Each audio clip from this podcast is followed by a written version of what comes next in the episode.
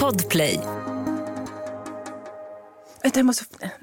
Eh, jag har snus inne. Min väska, kan jag få den? Spottar du rakt ner i väskan nu? Nej, det gör jag inte. Lite civilisation har jag kvar i mig.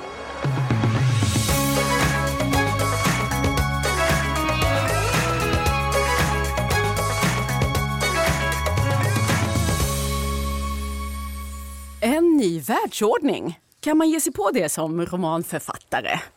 Såklart kan man det och det är väl just det man ska. Särskilt om man heter Jessica Schiefauer och redan vunnit Augustpriset två gånger.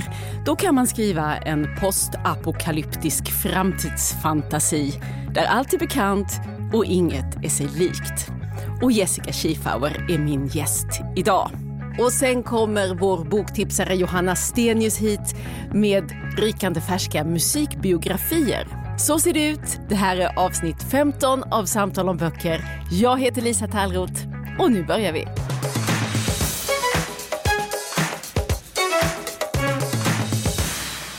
Välkommen hit Jessica. Tack så jättemycket. På besök i Stockholm, lämnat vardagen i Göteborg. Yes, för att gå på teater och hänga lite allmänt. Mm. Senaste gången vi sågs, det var på Augustgalan 2011. Ja, det var det du. När du fick ta emot priset för romanen Pojkarna. Ja. Den som handlar om tonårsflickorna Kim, Momo och Bella som hittar ett sätt att förvandla sig till pojkar om nätterna. Mm. En blandning av magisk realism och eh, feministisk analys som tog oss alla med häpnad. Någonting sånt, skulle man kunna sammanfatta det? Ja, men absolut. Feministisk analys.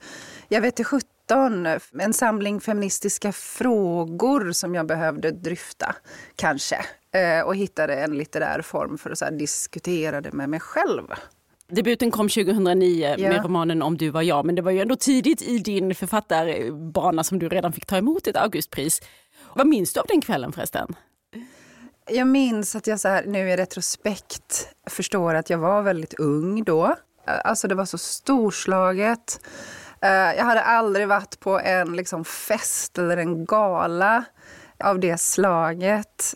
Och jag minns bara fragment av att jag stod på scenen tillsammans med de här andra författarna som också hade fått det årets Augustpris. Och jag var helt, jag var helt konstig i två veckor efteråt. Liksom. Du gav ett väldigt samlat intryck som jag minns det. Ja, ja det, det är hund- 100% fake. Eh, jag, jag har lärt mig det. Men, men du, nu har det ju gått tio år och du har dessutom fått ett Augustpris till. ja. Du börjar bli rutinerad på det här. 2015, det var då också i kategorin bästa barn och ungdomsbok för romanen Hund, När hundarna kommer. Och det är en berättelse av ett annat slag. Den skildrar människorna kring ett mord där två tonåringar misshandlar en jämnårig till döds. Och det här har också inspiration från ett eh, verkligt fall i Kungälv 1995. Där du, där du bodde vid den tiden. Så du har en, haft liksom en personlig erfarenhet av en sån här händelse. Eh, Så det skrev om i den romanen. Och sen i fjol kom Bärarna ja. som är presenterad som din första renodlade vuxenroman. Och nu ligger de här allihopa i en samlad stil. Det är tre pocketutgåvor som man har gjort nu i, som har liksom samma look. Exakt. De hör ju inte ihop innehållsmässigt, nej, för det är ju tre helt fristående romaner. Eh, men det har gjorts en helt fantastisk eh, formgivning, tycker jag. Där man ser att de, är, ja, men att de har någonting med varandra att göra. Tematiskt har de ganska mycket med varandra att göra, vill jag påstå. Ja, för det var där jag ville börja. Vi ska ju snart dyka in lite mer, tänkte jag, i, i Bärarna. Men jag, tycker du att eh, det finns någon röd slinga här mellan dina böcker? Några beröringspunkter? Alltså jag vet ju vad jag har för, för frågor som jag tycker är intressanta och alltid tyckt varit väldigt intressanta. Och om man ska låta väldigt så här storvulen. Så Gör tror det. Jag, ja, jag, jag, jag gör gärna det. Jag, tyck, Ja. jag tycker om stora ord. Liksom. Jag har inget emot stora ord. Ja, men om, man, om man ska börja lite generellt så tror jag att det väldigt mycket handlar om frihet kontra rädsla. Det tycker jag alla mina böcker handlar om, å ena sidan. Och sen också att tillhöra någonting kontra att följa sin egen inre röst och kanske vara tvungen att avstå från att tillhöra. Liksom. Innanförskap, utanförskap. Ja, men precis. och kanske priset man betalar för innanförskap och priset man betalar för utanförskap. Liksom. Det tycker jag att alla de här tre böckerna handlar om på något plan. Och sen är det ju temat kvinnlighet, manlighet, hur stora skillnader, skillnader är det egentligen? Hur stor frihet har vi som individer oberoende av vilken kropp vi går omkring i? Normer tycker jag är jätte, jätteintressant. Och sen så genremässigt så är ju När hundarna kommer är ju anomalin om man säger så, för den är ju en i princip, ja, den är en helt vanlig realistisk roman med kanske något litet sagoskimmer som skymtar fram här och var. Men när hundarna kommer är magisk realism. Du menar pojkarna är magisk realism? Ja, men precis. Pojkarna naturligtvis är ju en magisk realism. Och bärarna är någon sorts hybridgenreform skulle jag säga själv. Och det är ju där jag egentligen känner att jag trivs allra bäst. Liksom. I de lite vilda, vilda genrerna. Ja, den är, inte, den är inte helt omedelbart eh, lätt att eh, ringa in. För jag hörde dig någonstans bestämt förneka att det skulle vara en dystopi du har skrivit fram här i, i Bärarna. Det var du själv tror jag som sa postapokalyptisk framtidsfantasi. Ja, den har ju, Bärarna har ett drag av dystopi i sig. Men den har lika mycket, beroende på vem man är och vad man tycker om saker och ting, så har den en sorts utopisk känsla också tycker jag. Och det där tycker jag är, ganska viktigt, att den enes dystopi är den andres utopi.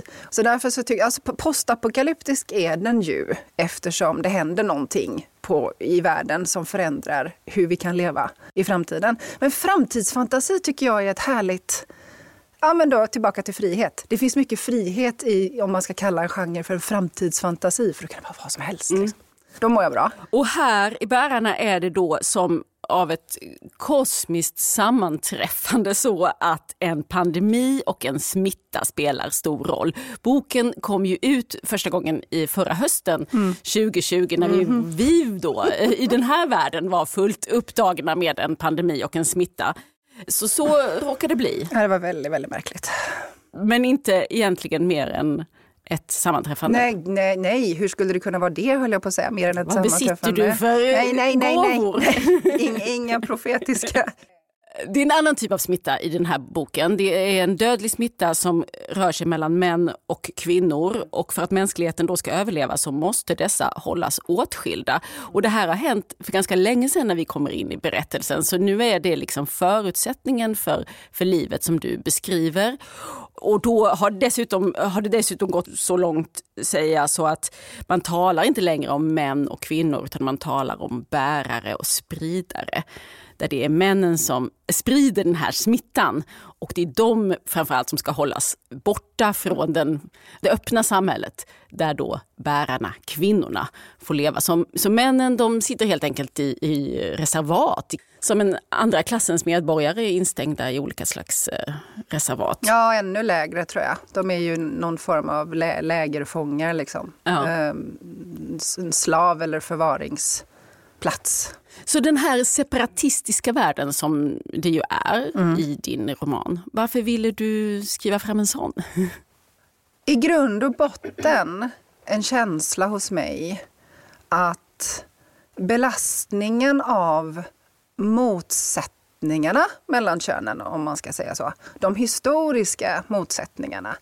Eh, I alla tider så har det ju eh, funnits eh, någon form av kvinnokamp mer eller mindre uttalad och öppen och någon form av motreaktioner mot kvinnokampen. Då. Kanske inte bara från män utan även från kvinnor som inte står för kvinnokampen. Och jag hade bara en känsla av att hur skulle det vara om man provade att börja om? Om jag fick konstruera ett gäng karaktärer som aldrig har träffat någon av det, av det motsatta könet och sen funderar över hur de skulle kunna leva sina liv. Och det tyckte jag var intressant och det var också därför som jag konstruerade den här påhittade smittan. Hur ska jag, hur ska jag kunna skapa en, en, en trovärdig, om en eh, lite vild idé om att vi behöver leva helt åtskilda? Ja, men hela mänskligheten skulle ju enas kring att mänskligheten får inte dö ut. Så har vi en smitta som är dödlig endast om den smittar mellan män och kvinnor ja men då skulle vi nog prova att separera samhället i väntan på någon form av botemedel. Så det var liksom mitt sätt att skapa den här basen. Var det ett svar? Ja, jag tror det. Ja, Någorlunda eh, kanske. För jag tänker på, det är ju... mm, Du är ju då inte helt först med att fundera på vad som skulle hända om kvinnor fick eh, leva för sig själva och ha ett eget samhälle. Det finns ju en sån, eh, har ju funnits en sån rörelse inom feminismen, inom radikalfeminismen, att man har velat prova det här. Och det har, men gör man ju i liten skala också. Man talar om att man ska ha mansfria sammanhang, festivaler men precis. kanske. Eller, Det ja. separatistiska rummet är på må- många olika Precis. sätt. Ja. Om man säger så här, vilken slags feminism identifierar du dig med? Är det ett sånt projekt i det här? Jag tycker att det separatistiska rummet kan vara jätteviktigt tillfälligt. Men jag kan ju bara tala för mig själv. Och jag trivs inte bäst i separatistiska rum. Jag trivs bäst i blandade rum. Jag, jag ska säga det, jag är inte, jag, jag är inte jätteinläst på olika feministiska teorier överhuvudtaget. Min önskan är någonstans att möta varje människa utifrån vem den är som person och inte vilket kön den identifierar sig med eller vilken kropp den går omkring i. Liksom. Och mycket längre än så kommer inte jag i att säga vilken typ av feminist jag är. Men att alla ska ha, att alla ska ha samma, samma rättigheter och samma skyldigheter på så många plan i livet som möjligt. Det, det tycker jag är viktigt. Så långt kommer jag. Aha, och, och när du då ändå leker med den här eh, världen som du har skapat, som i huvudsak byggs upp av kvinnor eftersom männen är, de är som, behandlas som fångar. Huvudpersonen heter Nicky och hon har en relation med Simone. Och vad, vad är det för samhälle som Nicky lever i? Hur ser det ut? Ja, alltså på plussidan. Och det här har jag också funderat mycket över. För att de facto så är det så att cis-män står för väldigt mycket av det som kostar samhället väldigt mycket. Både i oro, sorg, ångest, rädsla och pengar. Det tycker jag är jätteintressant. Varför är det, varför är det så? Liksom? Jag vägrar att utgå ifrån att det skulle vara någonting som är liksom biologiskt manligt. Jag tror att det handlar om strukturer och normer som vi behöver göra ett jättestort arbete för att bryta. Men om man då Jobba fram eh, ett fiktivt samhälle där det inte finns de gestalterna som i vårt samhälle tyvärr står för mycket av det som vi tycker är dåligt och problematiskt, då blir det ju ett ganska gulligt samhälle alltså. Där alla delar lika på allt och barnen uppfostras av alla lite så här och man kan man ska ha full frihet att välja om man vill skaffa barn eller inte och vill man inte det så ska man kunna ge bort sin livmoder med ett enkelt eh, ingrepp har de nämligen forskat fram i den här världen förstår du. Alltså jag har försökt att konstruera ett samhälle som tar sin utgångspunkt i kvinnliga villkor och mycket av det som många kvinnor idag pratar om att men varför kan vi inte ha det så här? Liksom. Men det är, ju, det, det är ju kanske snarare en skenutopi än en faktisk utopi. För rörelseutrymmet för de här kvinnorna är ju inte större än villkoratets, alltså det som är nationerna i den här världen, än villkoratens gränser så att säga. Och dessutom så har man ju faktiskt skyfflat undan halva mänskligheten och vet inte ens vad de är för sorts varelser längre eftersom man inte har sett män eller spridare. Eh, Och man har liksom börjat mytologisera de här spridarna eller männen som någonting som är farligt och som man ska akta sig för. Nu har det ju gått väldigt lång tid sedan män och kvinnor levde tillsammans. Nicky här till exempel, hon, hon relaterar inte till vad som skulle vara manligt eller kvinnligt för det är inte, någonting, det är inte längre kategorier som, som Nej, exakt. De har ju de, de, alltså orden man och kvinna finns inte längre. Inga ord som är könade finns längre överhuvudtaget. Ett poddtips från Podplay. I fallen jag aldrig glömmer djupdyker Hasse Aro i arbetet bakom några av Sveriges mest uppseendeväckande brottsutredningar. Går vi in med hemlig telefonavlyssning och, och då upplever vi att vi får en total förändring av hans beteende. Vad är det som händer nu? Vem är det som läcker? Och så säger han att jag är kriminell, jag har varit kriminell i hela mitt liv men att mörda ett barn, där går min gräns. Nya säsongen av Fallen jag aldrig glömmer på Podplay.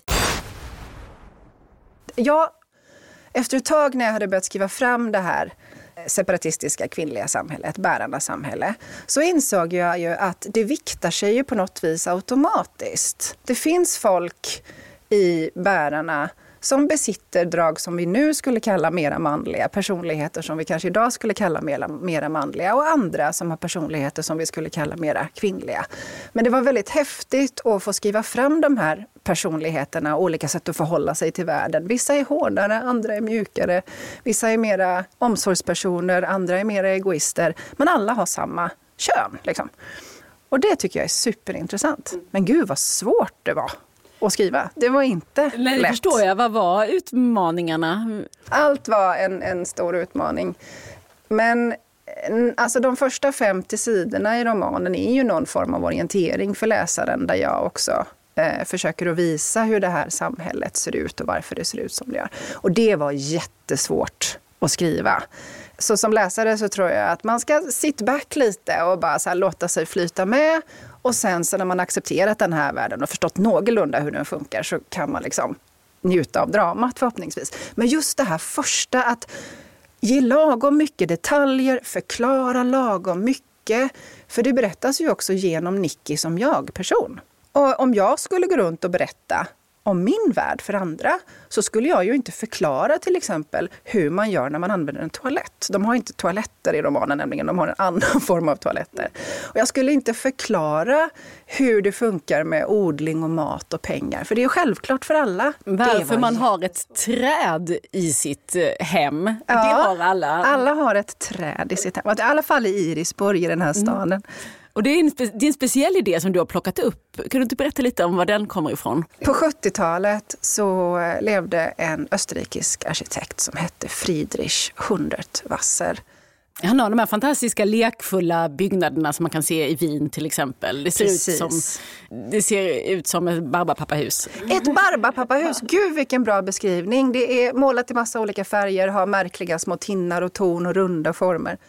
Nej, men han hade ju vissa manifest och han är modernare idag nästan än vad han var på 70-talet när han var verksam. För han ville ju att människan skulle leva tillsammans med naturen även i stadsbebyggelsen.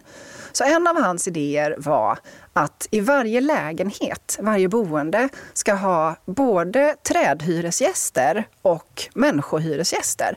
Så har du en lägenhet, då ska du också ha hand om ett träd. Det bor också där. Det har lika stor rätt till den här platsen som du. Och i Hundertwasserhaus i Wien, som faktiskt är ett hyreshus där helt vanliga människor bor, så finns fortfarande den här idén. Jag tyckte det var så otroligt häftigt. Det är, det är så enkelt på något sätt.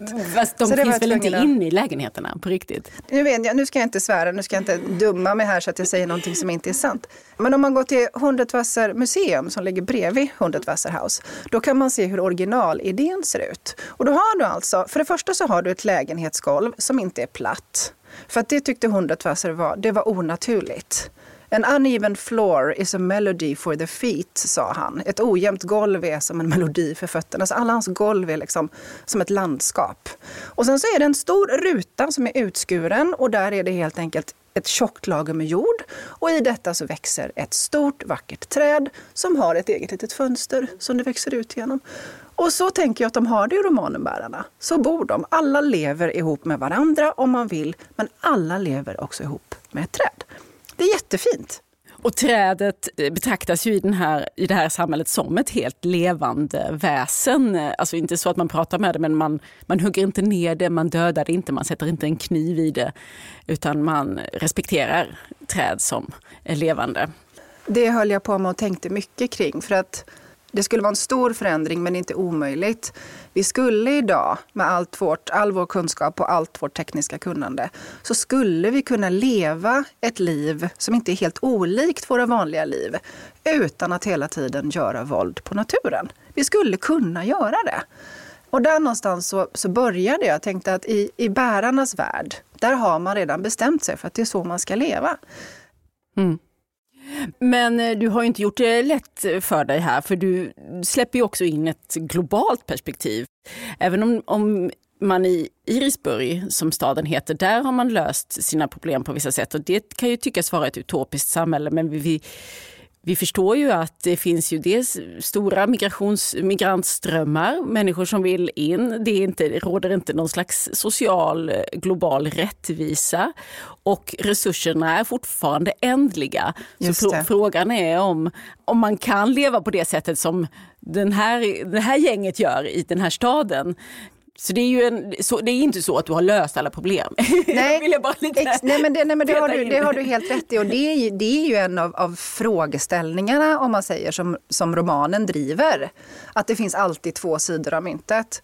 Och där tycker jag att mänskligheten som art är superintressant och ganska otäck. Utifrån att vi har ofta bestämt oss för att alla ska få lika mycket.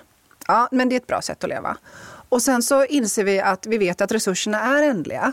Och då börjar vi bestämma vilka som ska tillhöra så att säga arten människor och inte. Och sen har vi skilt ut eh, olika raser, folk med olika etnicitet. Vi har skilt ut eh, ja, men alltså folk som är queer. Alla människor som inte tillhör majoriteten. Så skiljer vi ut dem och så börjar vi prata om dem som att de inte är riktigt lika mycket människor som vi, som är många som är likadana på många sätt. Och då är det vi som ska få ta del av kakan, för resurserna är ändliga. Och då börjar vi avhumanisera människor som är olika oss själva.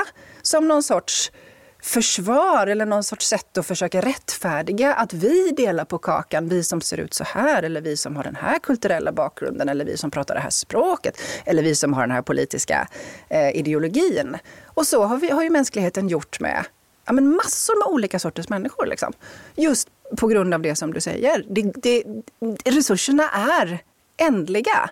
Alla kommer få ganska lite börjar man tänka, det vill vi inte ha. Vi vill ha lika mycket som vi har haft innan. Ja, men då får vi börja bestämma att ni som ser ut så här, nej, men ni får kämpa mer för att få av samma resurser. Liksom. Det är ju superintressant och ganska deppigt att tänka på att mänskligheten har gjort så i alla tider. Men då, då var det faktiskt lite intressant, för en grupp som aldrig har skilts ut som grupp, det är ju männen. Och kanske främst de vita männen då. Ja, Så nu börjar också- de väl göra det. Ja men det är helt sant. Du Frågan, ja, precis. Frå, frågeställningen finns nu. Och det var väl också en av grundtankarna. Vad händer om jag skriver fram en värld där den grupp som aldrig har blivit pushad åt sidan är de som är mest pushade åt sidan? Liksom. Så jag ville ju ta alla de frågorna och placera dem i ett samhällssystem som såg helt annorlunda ut och se vad, hur man skulle prata om det då. Och om jag kom fram till något så kom jag fram till att vägen är målet. Man måste fortsätta sträva hela tiden och hela tiden Alltså som du sa, nu pratar vi om vissa grupper som privilegierade och att det inte är en självklarhet. Det gjorde man inte för 15-20 år sedan. Det samtalet måste liksom hela tiden pågå. Men jag tror inte att det finns något slutmål. Jag tror inte det finns så här, nu konstruerar vi det här samhället så här och sen kommer alla vara lyckliga i liksom årtusenden tills solen exploderar. Utan att, att hela tiden tänka på det, tala om det. Varför har vi det så här nu igen? Varför gör vi så här nu igen? Vänta nu, går det att göra på ett annat sätt nu kanske när vi vet mer om det här? Liksom. Och så tror jag att, liksom att bärarna pratar sig fram eller så här. Det som är ett av de centrala spåren i den här berättelsen, det handlar om eh, att eh, bli gravid, att föda barn, Ja. fortplantningen. Hur går den till i en värld när män och kvinnor aldrig får mötas? Eh, Hur har man löst det? Jag bestämde mig helt enkelt för att det fysiska mötet mellan man och kvinna, jättefarligt, dödligt, smitta, oj oj oj, inte bra.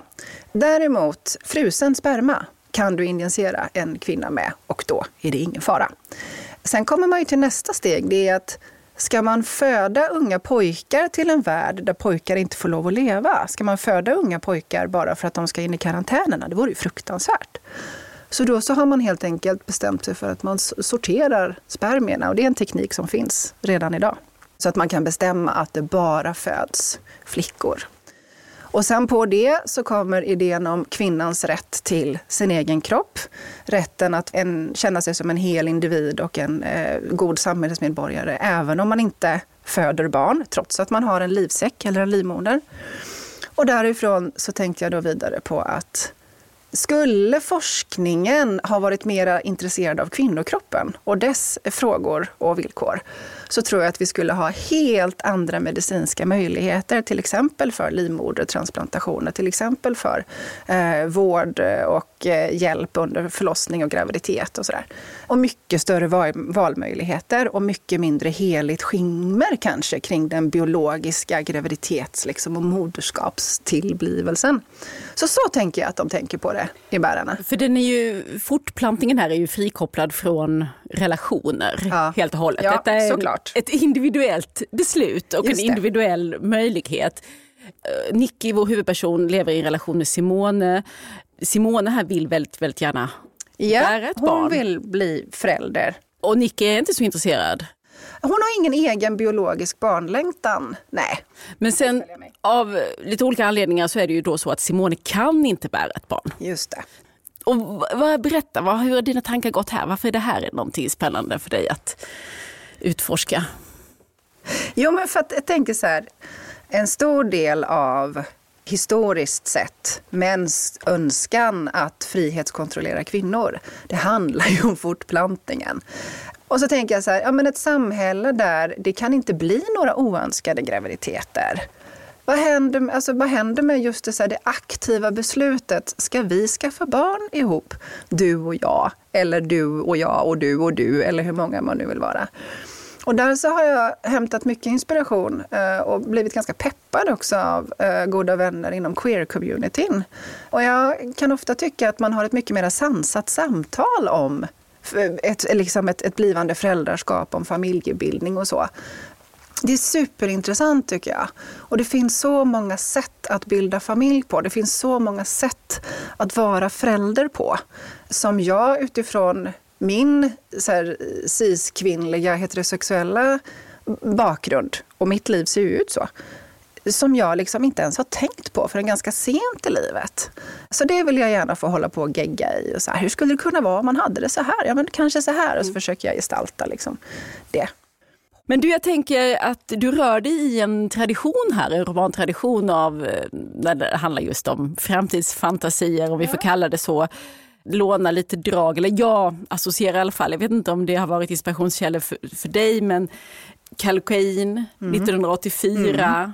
Clockwork Orange. Mm. Du nickar igenkännande. Det är på den hyllan som den här eh, romanen också skriver in sig. Jag blir jättestolt när du säger så. Det känns ju fantastiskt. Jag läste alla de tre böckerna minst fyra gånger under arbetet. Handmaid's Tale skulle jag nämna också. Jag gissar att Margaret Atwood hör till Ja, dina... Eh, och faktiskt först och främst då originalboken. Mm. Den som kom på, redan på 70-talet. Mm. Eh, på tal om det här med att ha någon form av profetisk förmåga. Alltså den boken är fantastisk. Alla som har sett serien och inte läst boken, läs boken också. Men sen så har vi en annan, en annan eh, författare som heter Ursula K. Le Guin som eh, väl kanske är mest känd i Sverige för sina fantasy ungdomsromaner, eh, Trollkarlen från övärlden. Men hon har skrivit en, en hel hög med fantastiska Ja, vi kallar det framtidsfantasier, rymdfantasier. Alltså hennes, hennes, hennes, det känns som att hennes projekt var just om en art som påminner om människan har andra förutsättningar, inte bara tekniskt utan vilken natur man lever i eller hur det här med kön och relationer fungerar. Hur skulle det kunna vara då? Ja, hon lever inte längre, tyvärr. Jag tycker hon är helt fantastisk. Så jag har ju någonstans velat göra lite grann av det som hon kunde göra, tycker jag. Jag tycker inte att jag når upp ens till 10 procent av vad hon lyckas med. Men hon var ju en av mina förebilder, alltså verkligen. För vad har hänt eh, med dig när du har läst om de här världarna, de här där man har skrivit om reglerna, kastat om eh, kategorierna. Vad händer i dig då när du läser sådana berättelser, sånt som du nu också har presenterat?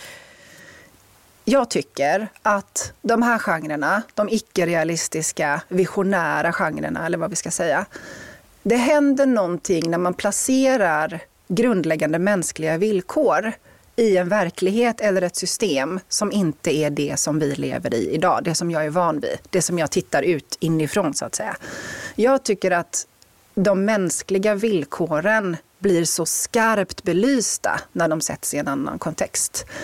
Så jag tycker att de är nästan mera realistiska, eller jag kan identifiera mig ännu mera med de karaktärernas dilemman och sorger och längtan än när jag läser eh, samtida realistisk litteratur faktiskt. Sen tycker jag om mycket samtida realistisk litteratur också.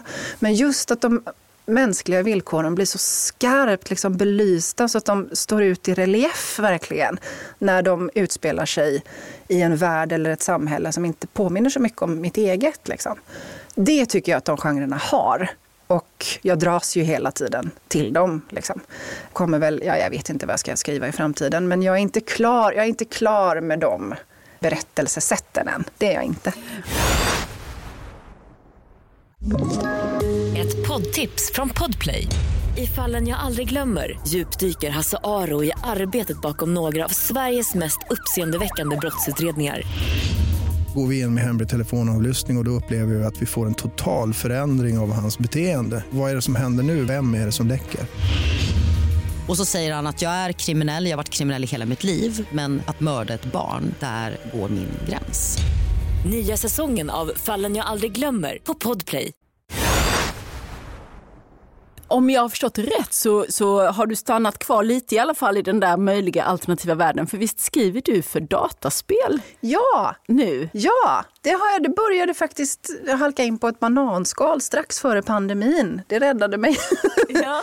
Jag samarbetar med eh, ett eh, bolag i Göteborg som heter Thunderfall Games. Och vad innebär det skrivandet?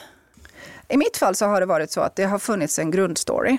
Och sen har jag haft den stora förmånen att få gå in och blåsa liv i karaktärerna, kanske sy ihop storyn så att den funkar på alla plan, kanske skriva en backstory som ska sila in i det som de har tänkt ska utspela sig i spelet.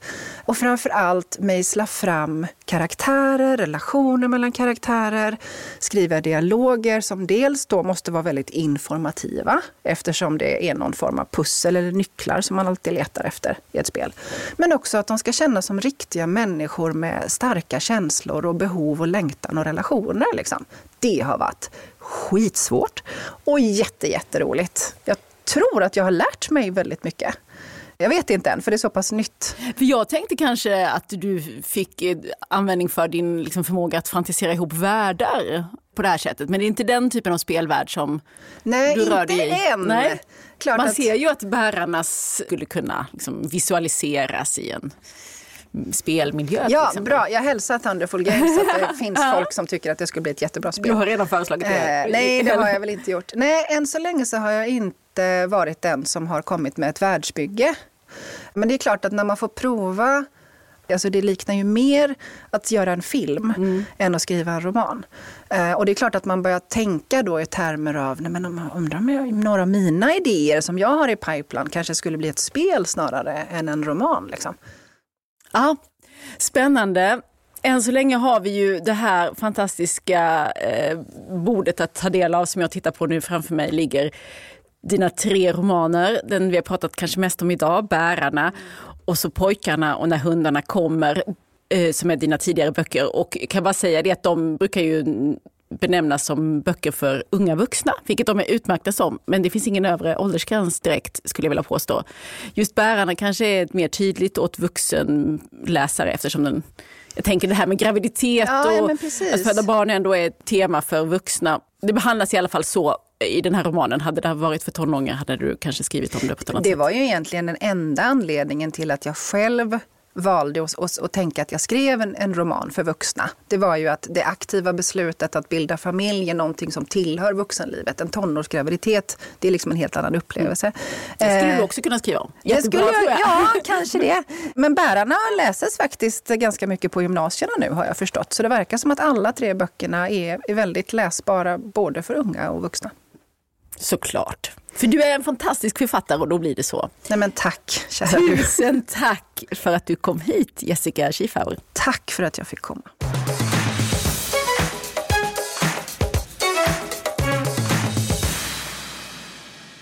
Nu ska det handla om musikbiografier som är aktuella precis nu i höst. En hel trave har du med dig Johanna Stenius som är redaktör på Selma Stories och vår kanske meste boktipsare här i podden. Ja, roligt att vara här igen och få tipsa. Och den första, i översta högen har det ju skrivits mycket om i tidningarna, biografin över eh, Avicii. Precis, och det är därför jag har tagit mig an det här temat idag. Jag tror knapp, det är knappast någon som har missat att här eh, nu alldeles i veckorna har den stora omtalade biografin om Tim Bergling, Avicii, kommit ut. Den är skriven av Måns Mosesson och har fått enormt mycket uppmärksamhet, förklarligt nog. Jag eh, håller på att lyssna på den just nu och Måns Mosesson läser in den själv på ett otroligt fint sätt. Och jag tänkte apropå det här tipsa om några andra musikbiografier som finns ute just nu, aktuella.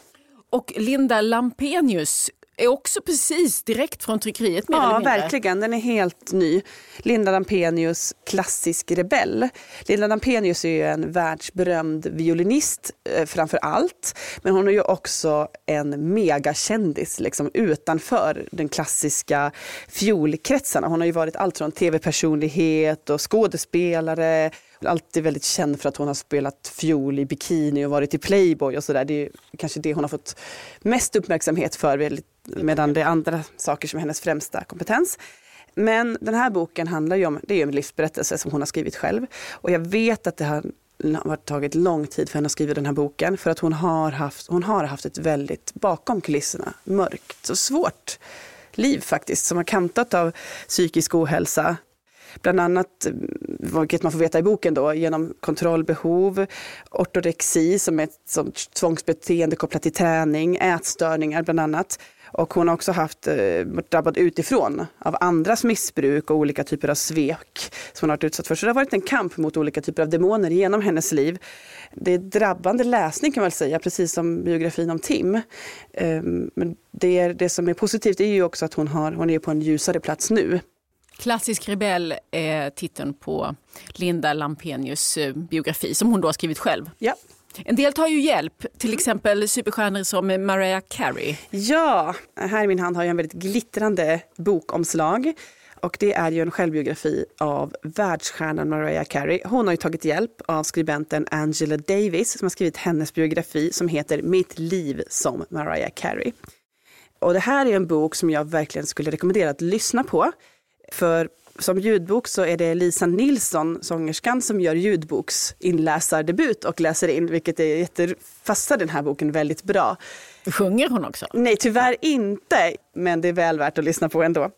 Men det finns en del låttexter med i boken ändå? Ja, precis. Det handlar ju om allt från, från hennes barndom och framåt. Hon har ju gjort ett enormt kliv i sitt liv. Hon hade en, en eh, väldigt enkel barndom som kantades av våld, utanförskap och rasism. Hon har, alltså resan hon har gjort till där hon är idag har ju varit väldigt lång. Och hon blandar upp sin livsberättelse väldigt fint med att kasta in låttexter som passar in i livsberättelsen kan man väl säga här och där. Så ja, det finns ju absolut med. Jag vet faktiskt ingenting om henne, inser jag nu.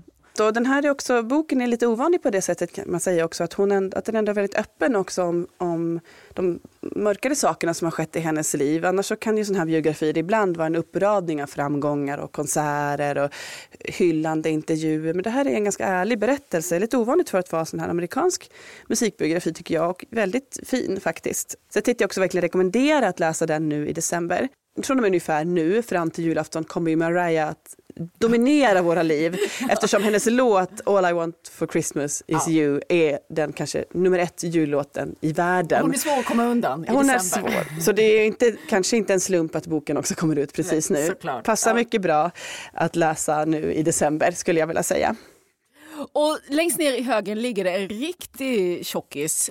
Ja, här har vi en tegelsten och det är eh, ett julklappstips till Beatles-nörden och till kanske alla andra som är intresserade av eh, musikhistoria generellt och kanske brittisk samhälle och historia, nämligen en stor biografi om The Beatles som heter One, two, three, four skriven av kritikern Craig Brown. Eh, mycket har ju skrivits, Mycket om, har skrivits. om den här popgruppen. Så vad, vad är det som motiverar att det kommer en ny biografi nu?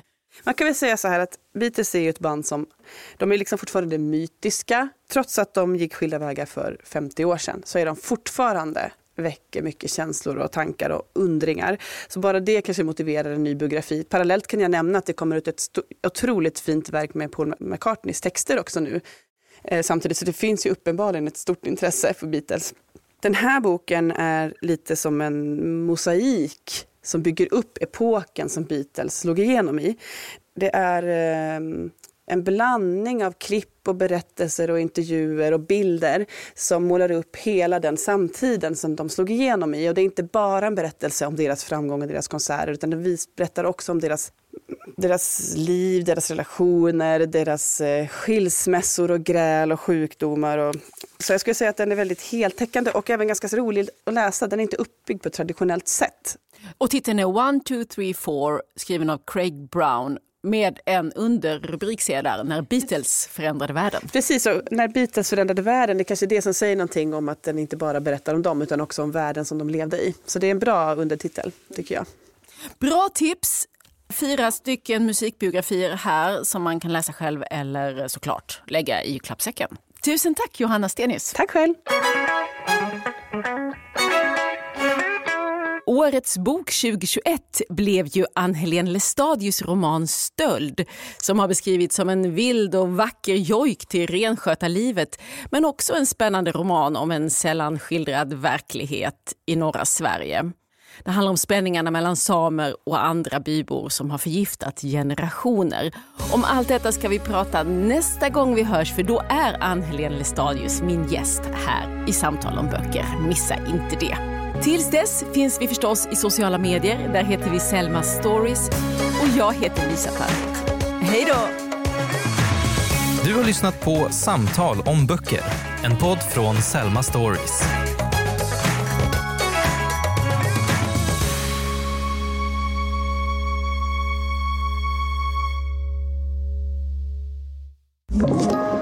Podplay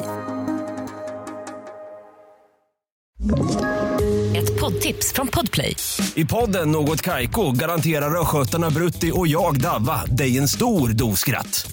Där följer jag pladask för köttätandet igen. Man är lite som en jävla vampyr. Man har fått lite blodsmak och då måste man ha mer. Udda spaningar, fängslande anekdoter och en och annan arg rant.